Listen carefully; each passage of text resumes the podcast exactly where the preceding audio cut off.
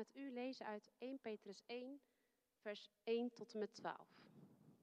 Petrus, een apostel van Jezus Christus, aan de vreemdelingen in de verstrooiing in Pontus, Galatië, Cappadocië, Azië en Bithynië, uitverkoren overeenkomstig de voorkennis van God de Vader, door de heiliging van de Geest, tot gehoorzaamheid en besprenkeling met het bloed van Jezus Christus, mogen genade en vrede voor u vermeerderd worden. Geprezen zij de God en Vader van onze Heer Jezus Christus, die ons overeenkomstig zijn grote barmhartigheid opnieuw geboren deed worden tot een levende hoop, door de opstanding van Jezus Christus uit de doden, tot een onvergankelijke, onbevlekte en onverwelkbare erfenis, die in de hemelen bewaard wordt voor u. U wordt immers door de kracht van God bewaakt door het geloof tot de zaligheid, die gereed ligt om geopenbaard te worden in de laatste tijd. Daarin verheugt u zich, ook al wordt u nu voor een korte tijd, als het nodig is, bedroefd door allerlei verzoekingen. Opdat de beproeving van uw geloof, die van groter waarde is dan die van goud, dat vergaat en door het vuur beproefd wordt, mag blijken te zijn tot lof en eer en, en heerlijkheid bij de openbaring van Jezus Christus. Hoewel u hem niet gezien hebt, hebt u hem toch lief. Hoewel u hem nu niet ziet, maar gelooft, verheugt u zich met een onuitsprekelijke en heerlijke vreugde en verkrijgt u het einddoel van uw geloof, namelijk de zaligheid van uw zielen. Naar deze zaligheid hebben de profeten die geprofeteerd hebben over de genade die aan u bewezen is, gezocht en gespeurd. Zij onderzochten op welke en wat voor tijd de geest van Christus, die in hen was, doelde, toen hij tevoren getuigde van het lijden dat op Christus komen zou en ook van de heerlijkheid daarna. Aan hen werd geopenbaard dat zij niet zichzelf, maar ons dienden in de dingen die u nu verkondigd zijn, door hen die u het evangelie verkondigd hebben, door de Heilige Geest, die vanuit de hemel gezonden is, dingen waarin de engelen begeerig zijn zich te verdiepen. Gemeente van onze Heer Jezus Christus. Geloof, hoop en liefde. Binnen de kerk en daarbuiten is dat een bekende trits Mensen dragen sieraden met de symbolen hiervoor. Misschien heb jij thuis of heeft u hier nu wel een kettingje met eh, de symbolen daarvoor om uw hals hangen. Een kruisje voor het geloof. Een hartje voor de liefde. En een anker als symbool voor de hoop. Als je nou in drie woorden zou moeten kenmerken waarin navolgers van Jezus Christus anders zijn dan andere mensen, dan zijn dat de woorden geloof, hoop en liefde. Ja, Paulus die schrijft in 1 Thessalonicensen, schrijft hij aan die mensen die net tot geloof zijn gekomen, dat ze opvallen in de hele streek door hun geloof, hoop en liefde. De mensen praten over hen. Daarom. Hoe zijn wij met die aspecten bezig? Die aspecten van ons leven als christen. Hoe ben jij daarmee bezig? Ik probeerde toen ik die vraag opschreef ook bij mezelf daar antwoord op te geven. Nou ja, nadenken over geloof, ja, dat, dat doe ik wel. Misschien herkent u dat wel, dat je even stilstaat. Misschien herken jij dat wel van, geloof ik? Geloof ik echt? Heb ik nou onvoorwaardelijk vertrouwen in God? Misschien herken jij wel, of herkent u dat ook, van die vragen van geloof ik dit wel? Wat er hier gezegd wordt in de kerk. Of dat je de geloofsbelijdenis uitspreekt of mee, meespreekt in je hart en denkt, ja, dit geloof ik. Denken over geloof neemt terecht een grote plaats in, een belangrijke plaats in in ons gemeenteleven en in de kerkdienst. Hoe zit dat met de liefde? Nou, mij schiet gelijk die teksten binnen die we, die we hier vaak zondags horen in de kerk. Heb God lief boven alles en daarnaast als jezelf. In liefde laten al Gods richtlijnen voor je leven zich, zich samenvatten. En, en, en, en richting geven naar waar het naartoe moet. Hoe je, hoe je mag leven voor God, hoe je mag handelen, hoe je met andere mensen om mag gaan. Dichtbij, ver weg. God is liefde en liefde zal bestaan tot in eeuwigheid. Ik schat de kans groot dat u in uw Bijbelstudiegroep, en ik weet dat hier ook in de kerk, regelmatig over de liefde gaat. En de hoop? Ja, natuurlijk hebben we het ook over de hoop. Maar, maar ik moet wel zeggen dat, dat toen ik dat voor mezelf op een rijtje ging zetten, in waar ik zelf over nadenk, dat de geloof en de liefde een grotere plaats krijgen in mijn denken dan de hoop. Die kwamen wel een beetje magertjes vanaf. Komt dat dan omdat ik niet zo hoopvol ben ingesteld? Nou, dat denk ik niet. Zijn er dan dingen waar ik erg op hoop in het leven? En dan bedoel ik niet per se heel geestelijke zaken. Zijn er dingen waar jij op hoopt? Zijn er dingen waar u op hoopt, nu, vandaag? Toen u, toen u de YouTube-stream aanzette? Zijn er dingen waar je op hoopt? Misschien hoop je dat een repetitie goed zal gaan, die je komende week hebt. Of misschien hoop je dat het weer goed komt tussen bepaalde mensen. Twee mensen die ruzie hebben. Misschien hoop je ontzettend dat die nare coronatijd snel voorbij zal zijn. Dat je weer je gewone leven op kunt pakken. Of dat je niet besmet zult worden met dat virus. Hoop je dat je nog heel lang gelukkig zal zijn zoals je nu bent? Of dat je weer gezond zult worden? Waar hoop je op? En hoe ziet die hoop er dan uit voor u, voor jou? Is dat een zacht verlangen? Iets waar je mee opstaat en mee naar bed gaat? Of voelt het als, als de laatste strohalm die je nog hebt, het enige wat er nog is, hoop, en dan durf je misschien ook niet te hard te hopen? Het kan ook zijn dat u helemaal geen hoop meer heeft. Om welke reden dan ook. Door het gesprek met een arts. Door een ruzie thuis. Een brief die op de deurmat viel. Ja, misschien, misschien zit u hier of thuis en zegt u, ja, maar mijn leven of sommige delen van mijn leven zijn, zijn hopeloos. Misschien dat we het dan wel minder vaak over hoop hebben als we met ons geloof bezig zijn. Maar wat een enorme stempel drukt de aanwezigheid of afwezigheid van hoop op ons leven.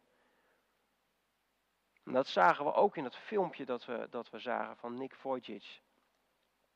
Hij is door hele diepe dalen gegaan. En, en gaat dat misschien nog steeds wel. Maar hij vertelt in dat filmpje hoe levensveranderend de hoop voor hem is geworden. Een verschil van dag en nacht. Nu pakken we die schriftlezing erbij uit 1 Petrus. Daar lezen we helemaal aan het begin, lezen we dit. Geprezen zij de God en Vader van onze Heer Jezus Christus, die ons overeenkomstig zijn grote barmhartigheid opnieuw geboren deed worden. Tot een levende hoop. Door de opstanding van Jezus Christus uit de doden. Petrus die, die schrijft hier naar, naar mensen uit, uit, uit een bepaald gebied. En hij zegt tegen die mensen dat ze wedergeboren zijn. Ja, mensen die, die Jezus navolgen. Mensen die oud of jong tegen Jezus zeggen, u bent mijn Heer. U hebt het in mijn leven voor het zeggen. Die zijn wedergeboren. En, en wie dat zegt, die heeft God als vader. Net zoals Jezus God als zijn vader had. Ja, dan ben je door God opnieuw in het leven gezet. Opnieuw geboren, wedergeboren. Met een hele andere levensrichting. Petrus schrijft, jullie zijn opnieuw geboren tot een levende hoop. En even later schrijft hij nog tot een onvergankelijke en onbevlekte en onverwelkbare erfenis. En, en ze zijn geboren tot zaligheid. dat is geen gemakkelijke taal. Wat, wat, wat bedoelt Petrus daar nou mee? Opnieuw geboren worden tot een levende hoop. Nou, hij zegt, sinds jullie bij Jezus horen, heeft jullie leven een compleet ander perspectief gekregen. Jullie kijken ergens naar uit. En, en dat, is geen, dat is geen valse hoop, dat is geen hoop waarvan je later moet zeggen, ja, ja, ja, nee, het is toch niet geworden. Het bloed dood. Nee, het is levend. En, en het is hoop die gaat over leven. Over leven tot in eeuwigheid. En het is ook een levende hoop in die zin dat je er steeds meer naartoe groeit. Iets dat leeft, dat groeit. Zo, je leeft er naartoe, je groeit er naartoe.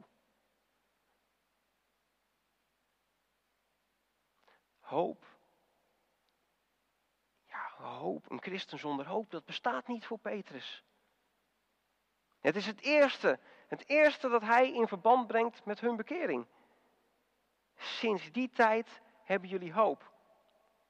En, en, en, je voelt wel aan, dat is niet zoiets als, nou ja, we hopen er het beste van. Hè? Ik hoop dat het morgen niet regent, want ik moet een heel eind fietsen. Nee, nee, niet, net zoals dat we zeggen, ik geloof, dat is niet twijfelachtig. Van nou, ik geloof dat de bus om half tien, nou ja, weet ik veel, u snapt wat ik bedoel. Maar dat is niet twijfelachtig. Zo is ook de hoop in het christendom niet een twijfelachtige of onzekere bedoeling. Nee, we zeggen niet als christenen tegen elkaar, nou ja, je mag altijd nog hopen. Hè? Dat kan altijd. Zo van kan geen kwaad. Nee, eerder de andere kant op.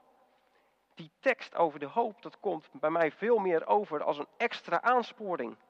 De hoop, die staat vooraan.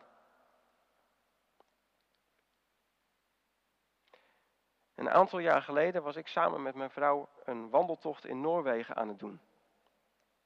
Alles in de rugzak mee en dan, misschien kent u dat wel, zo'n natuurgebied in. En eh, je kan water uit de natuur halen en je hebt je tentje bij je. Nou, we waren een aantal dagen onderweg. En uh, we hadden onze volgende, onze volgende einddoel hadden we op de kaart al, uh, hadden we op de kaart al aangestipt. Van daar willen we graag naartoe vandaag. Nou, we gingen de eerste, de eerste uh, heuvel gingen we op en gingen weer naar een beetje naar beneden. En we zagen weer aankomen dat we dachten, hmm, ben benieuwd hoe dit afloopt. Maar in Noorwegen is het toch altijd, of heel vaak wel een beetje, beetje grijs en grauw. Dus nou, het begon te regenen, geen probleem, regenkleren aan, doorlopen. Op een gegeven moment begon het harder te regenen. Eventjes later begon het te sneeuwen. Het was zomer. Um, dus wij, wij liepen daar in de bergen met sneeuw en het waaide hard. En we moesten nog een berg over. En we dachten, dat punt dat wij hebben bereikt, dat, we weten niet of we dat halen. En we kunnen altijd onze tent opzetten, maar nu die tent opzetten, vreselijk, alles nat. En we wisten dat er in de buurt, op die route die wij wilden volgen, een berghutje was.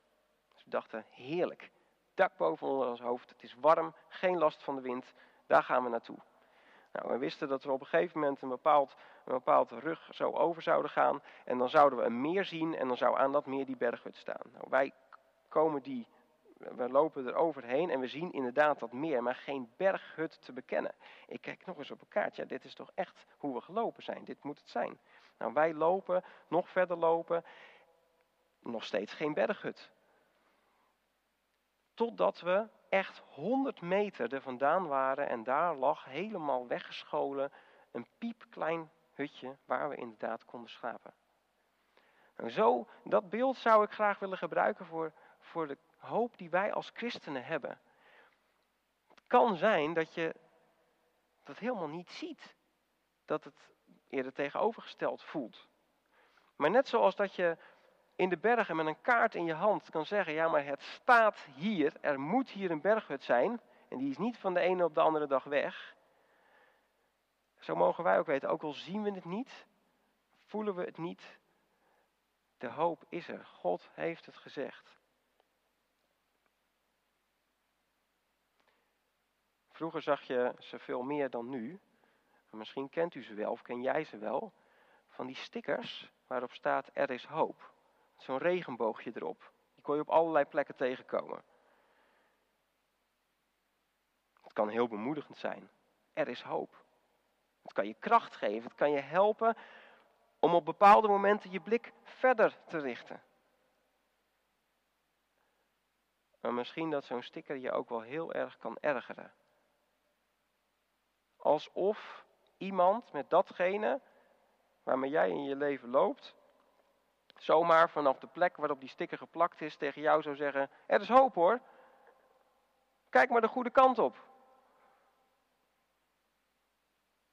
Zoiets kan ook negatieve of verbitterde reacties oproepen. En nou doet Peters, die lijkt hetzelfde te doen. Die vanzelfsprekendheid waarmee hij zegt dat er hoop is. Ik vind het moeilijk om dat zo even te zeggen. Ik zou dat niet zo durven zeggen tegen u, jou, hier thuis, in de situatie waarin u zit, waarin jij zit. Er is hoop. Want als ik het zeg, is het goedkoop. Want ik ken u niet of amper.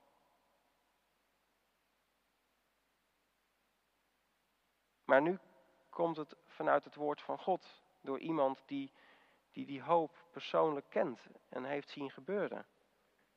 En, en, en dan klinkt het ook net zo hard voor mij in de situatie waarin ik leef. En of dat nou goed is of minder goed, voor u, jou en mij. Er is hoop. Die was er gisteren, die is er vandaag en die is er morgen. Wij zijn opnieuw geboren tot een levende hoop.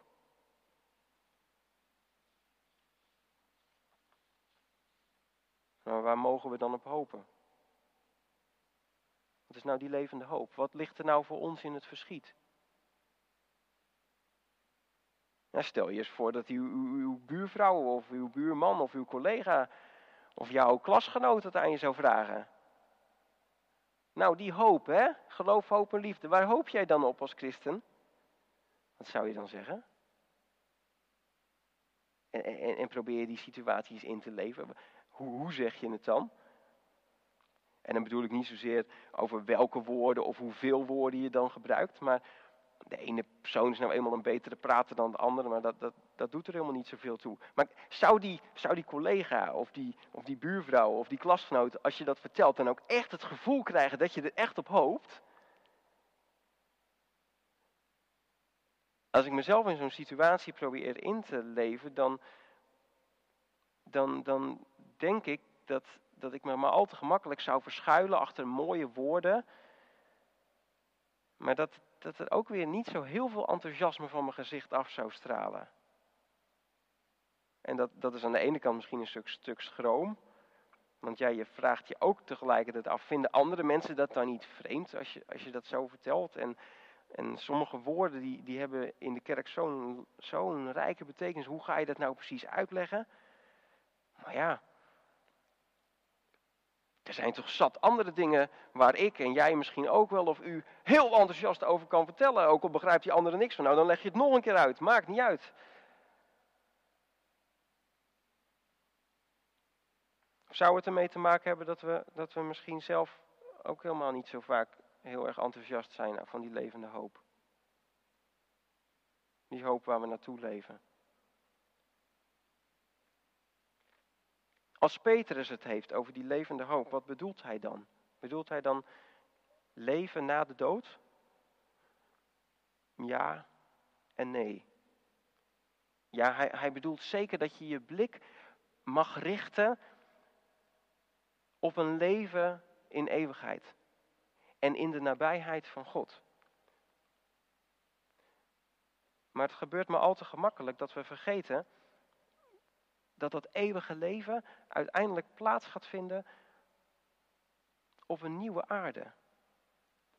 Moet u maar eens opletten, of jij, hoe, hoe, hoe vaker als je, als je van die, um, als het gaat over de hemel, in, in culturele uitingen, zoals een film, of een eh, tekenfilm, of een schilderij, of dan wordt dat heel vaak een beetje zweverig afgebeeld. Hè? Misschien ken jij die dingen ook, uh, um, van die mannetjes op wolkjes en zo. En, ja, natuurlijk, wij geloven dat, dat de zielen van degenen die overleden zijn en in Christus geloven, dat die nu al bij God zijn. In de nabijheid van Hem. Maar dat fantastische nieuws, waardoor die lezers van die brief die Petrus schrijft, zo enthousiast waren, dat was dat Jezus de weg is naar Gods koninkrijk. Ja, Jezus heeft het koninkrijk van God op aarde gebracht. En dat koninkrijk van God zal ook op aarde uiteindelijk zijn volle vorm krijgen. Een nieuw lichamelijk leven voor u, jou en mij. Een, een compleet nieuw lichaam. Een, een, een aarde zonder nadigheid, zonder dood, zonder ziekte, zonder verderf. Ja, natuurlijk, er gaat heel veel veranderen. Zo dat je zelfs kan praten over een nieuwe hemel en een nieuwe aarde, maar, maar wel een aarde. Als Jezus terugkomt, wordt alles in een oogwenk veranderd. Kijk je uit naar de wederkomst? Heeft u er zin in?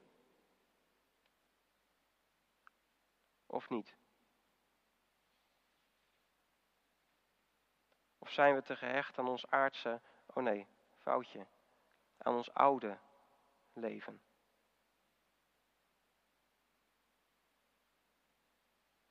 En waar heeft dat dan mee te maken als dat zo is? Willen we dan vasthouden aan dingen die, die misschien helemaal geen plek hoeven hebben in het koninkrijk van God? Of hebben we het idee dat ons leven nu en het leven later zo ontzettend veel aan van elkaar verschillen dat er geen verbinding tussen te leggen is?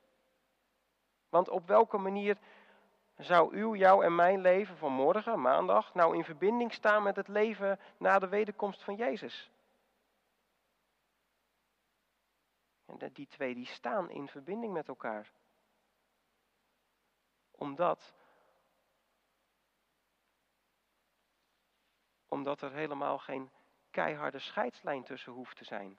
Als Jezus terugkomt, dan, dan hoeft dat niet te betekenen dat er een totale vernietiging is van alles wat heeft plaatsgevonden. Nee, het koninkrijk van God is op aarde gekomen. En ja, bij de wederkomst vindt er een transformatie plaats. Een enorme, ondoorgrondelijke verandering waar wij geen, geen zicht op zullen krijgen. Maar tegelijkertijd is het belangrijk om te onthouden dat, dat alles wat in het koninkrijk van God nu, gisteren, vandaag, morgen gedaan is, dat al die dingen niet verloren gaan. Die zijn opgenomen in de geschiedenis van het koninkrijk van God. Dus wanneer u, jij, ik dingen doen die passen in het koninkrijk van God, dan wordt dat niet vergeten. Nee, dat schrijft Paulus ook in 1 Korinthe 15. Dan spoort hij die mensen aan om werk van de Heer te doen. En dan zegt hij, want jullie weten dat dat werk niet te vergeefs is. Dat is niet zinloos. Nee, dat, dat krijgt, door God krijgt dat waarde. En dat werk van God, dat strekt zich uit op elk terrein van het leven. Het is niet alleen maar werk dat in de kerk gedaan wordt. En als je nou zo naar je leven leert kijken, dan, dan mag je je leven gaan zien als een doorgaande lijn. Niet, niet een leven dat, dat nu is en dan stopt als we overlijden en later weer begint, helemaal los van wat daarvoor was. Nee, dan mag je je leven gaan zien als leven wat je gekregen hebt. En zo lezen we ook in de Bijbel dat wie in Jezus gelooft deel heeft aan het eeuwige leven. Dus dan wordt het een doorgaande lijn. En dat is nou precies waar Petrus zo enthousiast van wordt. Een leven op die manier tot in eeuwigheid. Jezus heeft de dood overwonnen. En de zonde. En dat betekent voor hem alles. Waarom? Nou, stel je ze tegenovergestelde voor. Dan wordt het misschien nog duidelijker. Stelt u zich, stel jij je nou voor dat God niet zou bestaan. En dat de dood de uiteindelijke overwinnaar was. Degene die uiteindelijk overblijft als laatste. En alles opslokt. Stel dat dat dan de waarheid is. Dan leven wij ons leven met zijn mooie en zijn vreselijke kanten. En dan moeten we tegen elkaar zeggen, wat heeft het dan voor zin? Dan zijn wij uiteindelijk overgeleverd aan zinloosheid. Als er iets is om wanhopig van te worden, dan is het toch dat wel. Het idee dat uiteindelijk, hoe je het ook wendt of keert, alles voor niets is geweest. Maar nee, Peter zegt, dat is niet het geval. God bestaat en alle daden die op Hem gericht zijn, die krijgen waarde omdat Hij tot in eeuwigheid leeft. Ja, en dat is niet het enige. Ja, zelfs ook wij, ons leven, wij, zijn kinderen, mogen met Hem leven tot in eeuwigheid. Dat komt er ook nog eens bij. Hoop geeft perspectief. Dat is als het ware de verrekijker. Of, zoals ik net al zei, de blik op de landkaart.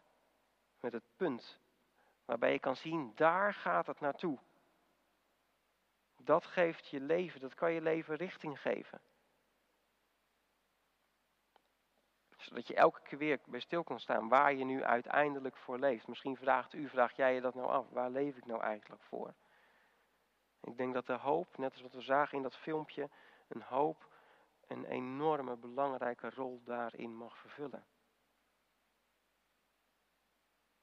Nou, je kunt je ook wel voorstellen dat het voor die mensen aan wie Petrus schrijft ook ging doorwerken in hun leven. Dat, dat, dat als je daarbij stilstaat en daarmee bezig bent, dan gaat dat je leven een beetje doortrekken. Net als dat je een geurkaars aanzet, die ruik je op een gegeven moment door het hele huis.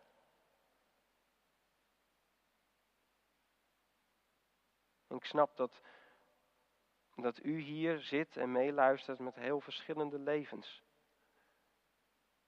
En, en dat u uw leven misschien ook als uitzichtloos kunt ervaren. Omdat u misschien wel de dood in de ogen staart. Omdat u pijn heeft. Omdat de relatie met een geliefde, of misschien wel uw geliefde, op de klippen loopt. En het laatste wat mijn bedoeling is, is om deze boodschap van hoop maar gemakkelijk daaroverheen te laten walsen. Nee, dat is ook de bedoeling van Petrus niet, om dat een gemakkelijk antwoord te laten zijn. Nee, als, als God komt met een boodschap van hoop, dan mag u weten, dan mag jij weten, dat, dat Hij precies weet wie je bent en wat je meemaakt. Dat hij dat veel beter weet dan welke voorganger dat hier ook zegt. Maar toch, God komt met die boodschap van hoop. Niet als laatste strohalm, maar zelfs ook als een basisinstelling. Iets wat je hele dag doortrekt. Misschien heb jij of hebt u dat wel eens, dat je de hele dag een melodietje in je hoofd hebt. Ik heb dat wel eens. Het kan heel fijn zijn als het een leuk melodietje is, maar je hebt ook wel eens van die melodietjes die wil je liever kwijt dan rijk zijn en ze blijven gewoon de hele dag in je hoofd zitten. Soms zeggen ze wel eens dat als je dan een keer heel hard dat liedje gaat zingen, dat hij eruit is. Ik weet het niet helemaal. Maar goed, het is voor velen van ons denk ik een bekend fenomeen. En zo zouden we ook als het ware de hoop en dat idee van het perspectief als een soort melodietje in je hoofd de hele dag met je mee mogen laten gaan. En misschien, misschien zijn er wel liederen ook, hè, we zingen er in deze dienst ook al, misschien heeft u een eentje die u nog meer aanspreekt. Het kan ook zo helpen om zo'n lied s ochtends eens een keer te luisteren, zodat het misschien ook wel de hele dag zo mee resoneert. En zo, zo mogen wij leven vanuit de hoop. Niet alleen maar voor als je het niet meer weet, maar ook voor als uw of jouw leven van een leien dakje gaat. En dan mogen wij een baken van hoop gaan worden voor de mensen om ons heen. Dat zagen we ook in dat filmpje. Die, die Nick Vujicic, die zegt ook, oh wat heb ik gebeden, wat zou het een wonder geweest zijn als er bij mij op school iemand was geweest, zonder armen en benen, net zoals ik, en die het is gehad had over pesten. Wat hij doet, is op heel veel scholen zijn verhaal vertellen. Omdat hij zei, misschien heb ik dan niet dat wonder gekregen, maar het kan nog steeds dat wonder zijn. En zo laten zien waar je op hoopt, want dat vertelt hij daar ook. Dat is, dat is een baken van hoop. En het mooie is dat Petrus in diezelfde brief, een paar hoofdstukken verder, in hoofdstuk 3, heeft hij het over evangelisatie. En dan gaat het er, daar kan je op heel veel manieren, manieren aanpakken. En waar steekt hij nou bij in?